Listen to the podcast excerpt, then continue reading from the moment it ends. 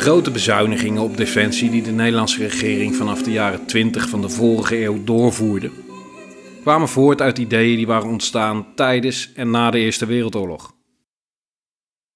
Nederland had zich op de vlakte gehouden en was neutraal gebleven. De publieke opinie over de strijdende partijen was verdeeld geweest in ons land. Een deel van het volk zag Duitsland als agressor. Een ander deel had juist bewondering voor Duitsland. En niet voor niets, want Duitsland was eind 19e, begin 20e eeuw erg innovatief geweest. Wetenschappelijk, militair, industrieel en filosofisch gebied bijvoorbeeld. Duitsland heeft in die tijd verreweg de meeste Nobelprijswinnaars voortgebracht. Zo'n 80% van de Nobelprijswinnaars kwam uit Duitsland. Ze waren in veel opzichten het belangrijkste land van Europa. Het leidde in Duitsland zelf tot gevoelens van superioriteit en nationalisme. Maar in andere landen was het ook opgevallen. Zeker in Nederland. Duitsland was een land waar we van oudsher goede betrekkingen mee hadden. Met veel culturele en historische overeenkomsten. Een taal die relatief veel op de onze lijkt. En een koningshuis dat met elkaar verweven was. En is. Maar er waren ook heel wat Nederlanders met een voorliefde voor Engeland of Frankrijk. De British Empire, waar de zon nooit onderging, was op dat moment het machtigste rijk op aarde. Britse marine heerste al ruim 200 jaar over de wereldzeeën. Frankrijk was cultureel, artistiek en culinair gezien het belangrijkste land van de westerse wereld. Er waren dus ook al francofielen in Nederland. En die zijn er nog steeds, bizar genoeg. Dat België onder de voet werd gelopen door Duitsland in het begin van de Eerste Wereldoorlog zette kwaad bloed. Duitsland verloor daardoor een hoop sympathie. Het leidde tot imagoschade. Er was niet alleen in Nederland, maar wereldwijd verontwaardiging over die neutraliteitsschending.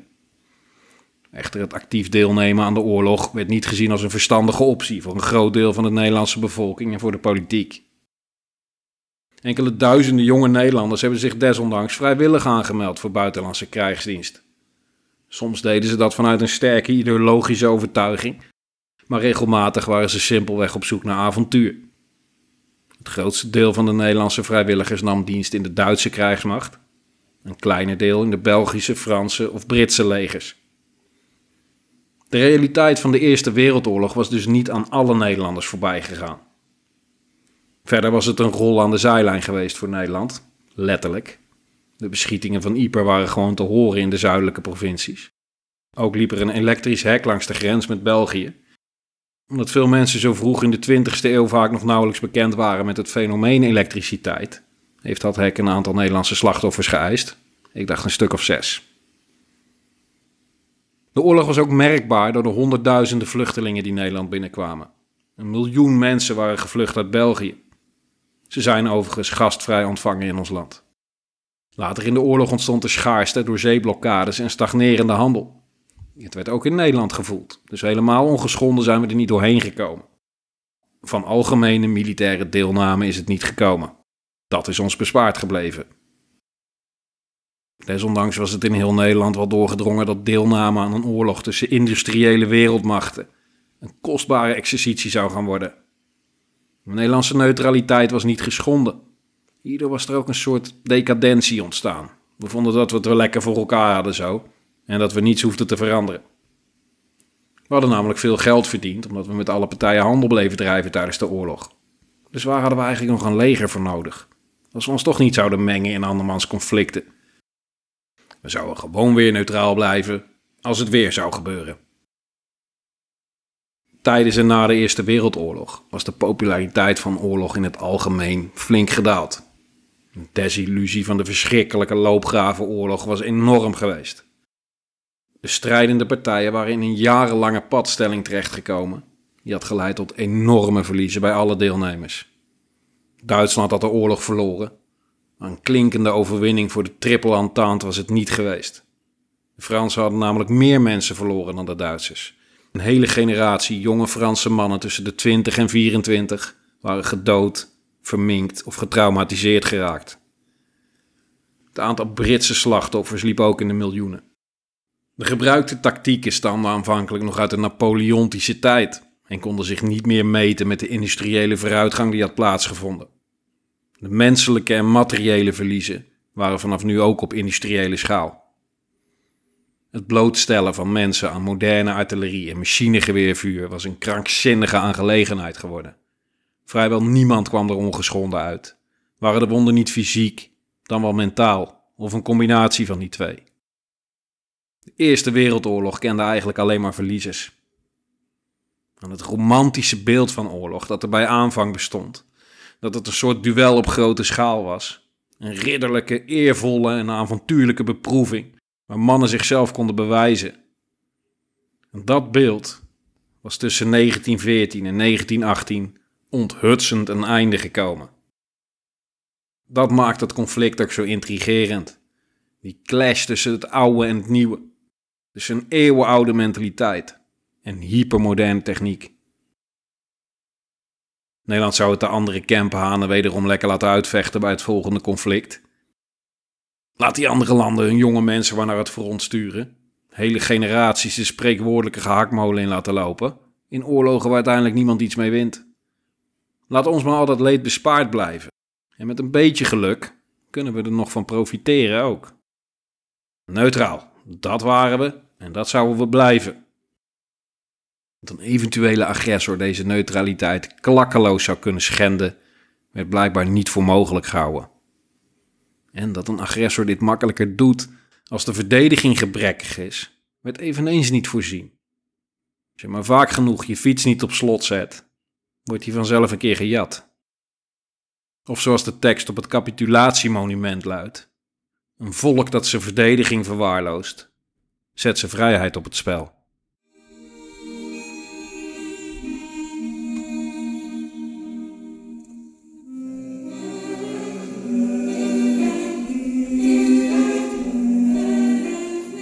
In het Duitse aanvalsplan van zowel de Eerste als de Tweede Wereldoorlog, het Schlieffen-plan, werden Nederland en België beide overgenomen als onderdeel van het grotere doel, Frankrijk. In de Eerste Wereldoorlog besloten de Duitsers ervan af te zien en zich te beperken tot België. Dit kwam doordat ze de Hollandse waterlinie te sterk achten en doordat de Nederlandse verdediging ze te veel moeite zou kosten. In een Duits spionagerapport uit 1908 stond het volgende. Ik citeer: Inundaties indien op tijd gesteld maken de Hollandse verdediging zo goed als onoverwinnelijk. Einde citaat. Het Schlieffen-plan was afhankelijk van een strak tijdschema. Als Nederland eerst overwonnen moest worden, dan kwam dat in gevaar en daarom werd er vanaf gezien. In de Tweede Wereldoorlog besloten ze wel aan te vallen, omdat Nederland een te makkelijk en te waardevol doelwit was geworden om te laten liggen. Het was een simpele afweging van de kosten en de baten dus. Want stel dat die Nederlandse verdediging optimaal was geweest in 1940, dan weet niemand of de Duitsers alsnog hadden aangevallen, maar dan was Nederland een hele kluif geworden voor ze. Nu zou het dat nauwelijks worden. De desastreuze verwaarlozing van de Nederlandse strijdkrachten is een van de grootste oorzaken. Ik zal proberen uit te leggen hoe desastreus het was. De interne verdediging van overzeese gebieden, die hadden we toen nog, Suriname, de Antillen en Nederlands-Indië, werd wel serieus genomen, werd minder verwaarloosd dan de verdediging van de eigen landsgrenzen. Hier lag dan ook vooral de financiële focus van de Nederlandse defensie. In Nederlands-Indië zat het KNIL, het Koninklijk Nederlands-Indisch Leger. Dit waren de strijdkrachten die waren belast met de verdediging van de archipel. Tegen buitenlandse agressie en tegen binnenlandse opstanden. Die opstanden kwamen regelmatig voor en het KNIL was dan ook een club die regelmatig in actie kwam met een lange traditie van gewapend optreden. Tijdens de 18e en 19e eeuw was het een terugkerend thema geweest in Nederlands-Indië. Opstanden. En die werden dan soms diplomatiek, maar vaak militair onderdrukt. Het knil beschikte over goede Nederlandse officieren en bestond verder voor een groot deel uit inheemse militairen. Deze inlanders, zoals ze toen werden genoemd, waren betrouwbare soldaten, waren bestand tegen het tropische klimaat en beschikten over goede terreinkennis. Het knil had dus veel ervaring, werd fatsoenlijk bewapend en behoorlijk getraind. En het was dus een beter leger dan dat we in Nederland zelf hadden. Het kwam omdat de politiek inschatte dat de dreiging van een buitenlandse invasie van Nederland kleiner was dan de interne ongeregeldheden in Nederlands-Indië. Er was in die tijd, net na de Eerste Wereldoorlog, weinig affiniteit met de krijgsmacht vanuit het Nederlandse volk. Pacifistische en socialistische elementen zorgden voor een antimilitaristische stemming. Versterkt dus door dat sterke neutraliteitsidee. Dat we geen krijgsmacht meer nodig hadden, omdat we in de volgende oorlog dus gewoon weer neutraal zouden blijven. Het was de tijd van het gebroken geweer. En in tegenstelling tot andere Europese landen werd er hier vaak op militairen neergekeken. Toch heerste er onder een ander deel van de bevolking een diep verankerd patriotisme en chauvinisme. Trots over onze handelsgeest, onze onafhankelijkheid, onze creativiteit, ons modernisme, kunst, cultuur, onze zeehelden, de Hollandse meesters, dat soort zaken. Historische trots over oude gloriedagen waar ons volk zware beproevingen had doorstaan, maar zich altijd staande had gehouden tussen de grote wereldmachten die ons omringden. We waren zelfs een ruime eeuw lang zelf een wereldmacht geweest. Het idee, het concept, Nederlands exceptionalisme bestaat nog steeds en was er toen zeker. Het was een breed gedragen concept. De 19e eeuw was internationaal een sterk nationalistische periode geweest, ook in Nederland. Er was een grote opleving van nationale trots en identiteit. Het werkte door in de 20e eeuw bij een behoorlijk deel van de bevolking. En dat deel, het conservatieve, traditionele, nationalistische deel, zag dan ook met ledenogen aan hoe de verdediging van Nederland steeds verder afbrokkelde, tanende was, ten grabbel werd gegooid.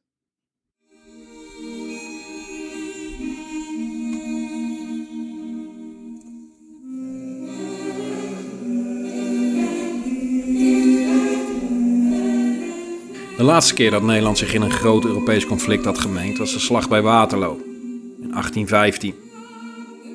De Engelse geschiedschrijving wil je graag doen geloven dat dit een louter Britse aangelegenheid was. Dat zij Napoleon hebben verslagen en dat zij het waren die de wereld helemaal alleen hadden verlost van deze tiran. De bevelhebber Arthur Wellesley, de Duke of Wellington, was inderdaad een Engelsman, maar het leger bij Waterloo bestond verder maar voor 35% uit Britten. Die andere 65% was een bonte verzameling van nationaliteiten geweest. Duitsers, Oostenrijkers, Polen, Belgen en ook een sterk contingent Nederlanders. Die ongeveer 8000 Nederlanders werden geleid door onze kroonprins, Willem II van Oranje. Die had zich toen al bewezen als een degelijk en moedig veldheer, onder andere in Catrebra, voorafgaand aan de slag bij Waterloo. Een van de belangrijkste Nederlandse commandanten was generaal Chassé, die heeft op een cruciaal moment tijdens de slag bij Waterloo Napoleons elite, de Vieille Garde, of de Old Guard, de oude garde, weten tegen te houden in het centrum van het slagveld. In 1830 was het Nederlandse leger nog in actie gekomen tegen de opstandige Belgen in de Belgische onafhankelijkheidsoorlog. Dit was in militair opzicht een vrij succesvolle campagne geweest voor Nederland. Wederom onder leiding van Willem II, de Belgen werden overtuigend verslagen tijdens de tiendaagse veldtocht. Maar door internationale druk en Franse militaire dreiging ging België even goed verloren voor het koninkrijk. Dit was tevens de laatste Europese inzet van de Nederlandse krijgsmacht.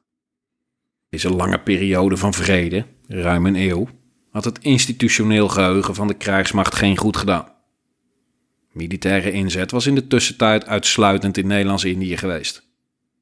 Zoals gezegd hadden daar diverse kleine opstanden plaatsgevonden, maar ook een aantal grote oorlogen, zoals de Java-oorlog 1825-1830 en de Aceh-oorlog. Dit was een conflict wat eind 19e eeuw begon in 1873 en pas in 1914 definitief eindigde. De intensiteit was toen al behoorlijk afgenomen, maar de onrust was pas toen volledig hersteld. Dat kwam vooral door de harde aanpak van generaal Van Heuts, die uiteindelijk korte metten had gemaakt met de opstandelingen. In de Aceh-oorlog vielen honderdduizenden doden. dit soort conflicten speelden zich ver van het Nederlandse vasteland af, maar werden desalniettemin gevoeld door de bevolking. Er vielen duizenden Nederlandse slachtoffers. Mensen kwamen thuis met de verhalen, met de verminkingen. En officieren en manschappen deden er ervaring op. Die ervaring heeft wel degelijk bijgedragen aan het institutioneel geheugen van de krijgsmacht. Maar vooral als het gaat om algemene ervaring met geweld en vechten in de jungle, dat soort expertise. Want de opstandelingen in Nederlands-Indië waren matig bewapend en voerden een onconventionele guerrillaoorlog. vaak slechts bewapend met bamboesperen, revolvers, dolken, de kris, en zwaarden, de klewang.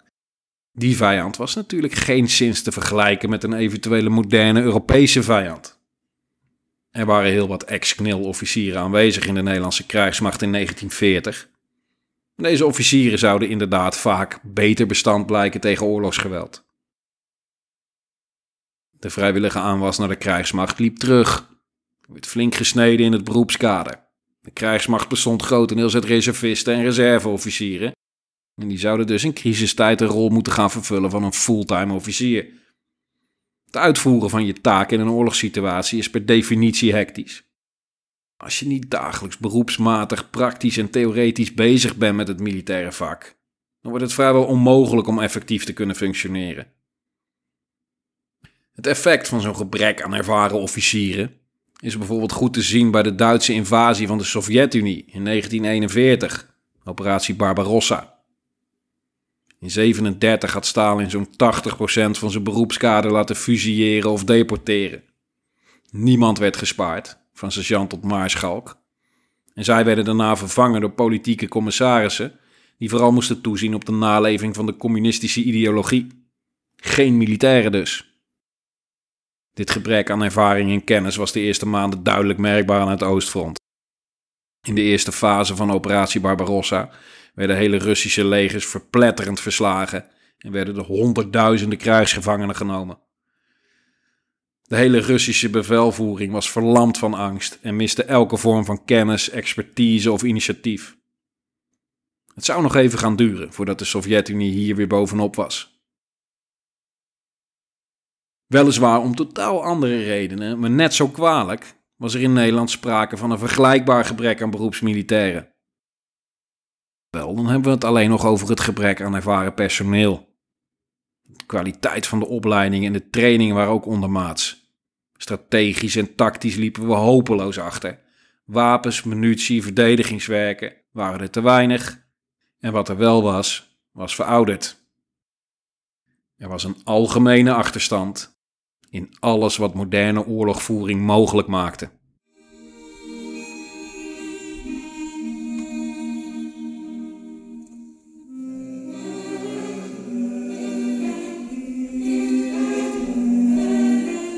Natuurlijk, er was wel wat fatsoenlijk materiaal aanwezig, maar veel te weinig. De krijgsmacht van mei 1940 voldeed ongeveer aan de standaard van 1900. Toen hadden ze qua materiaal en mankracht redelijk oorlog kunnen voeren, hoewel er dan even goed een gebrek aan zware artillerie was geweest. Wel was dan de Hollandse waterlinie effectiever geweest, omdat pas in de loop van de Eerste Wereldoorlog vliegtuigen een bruikbaar militair middel werden.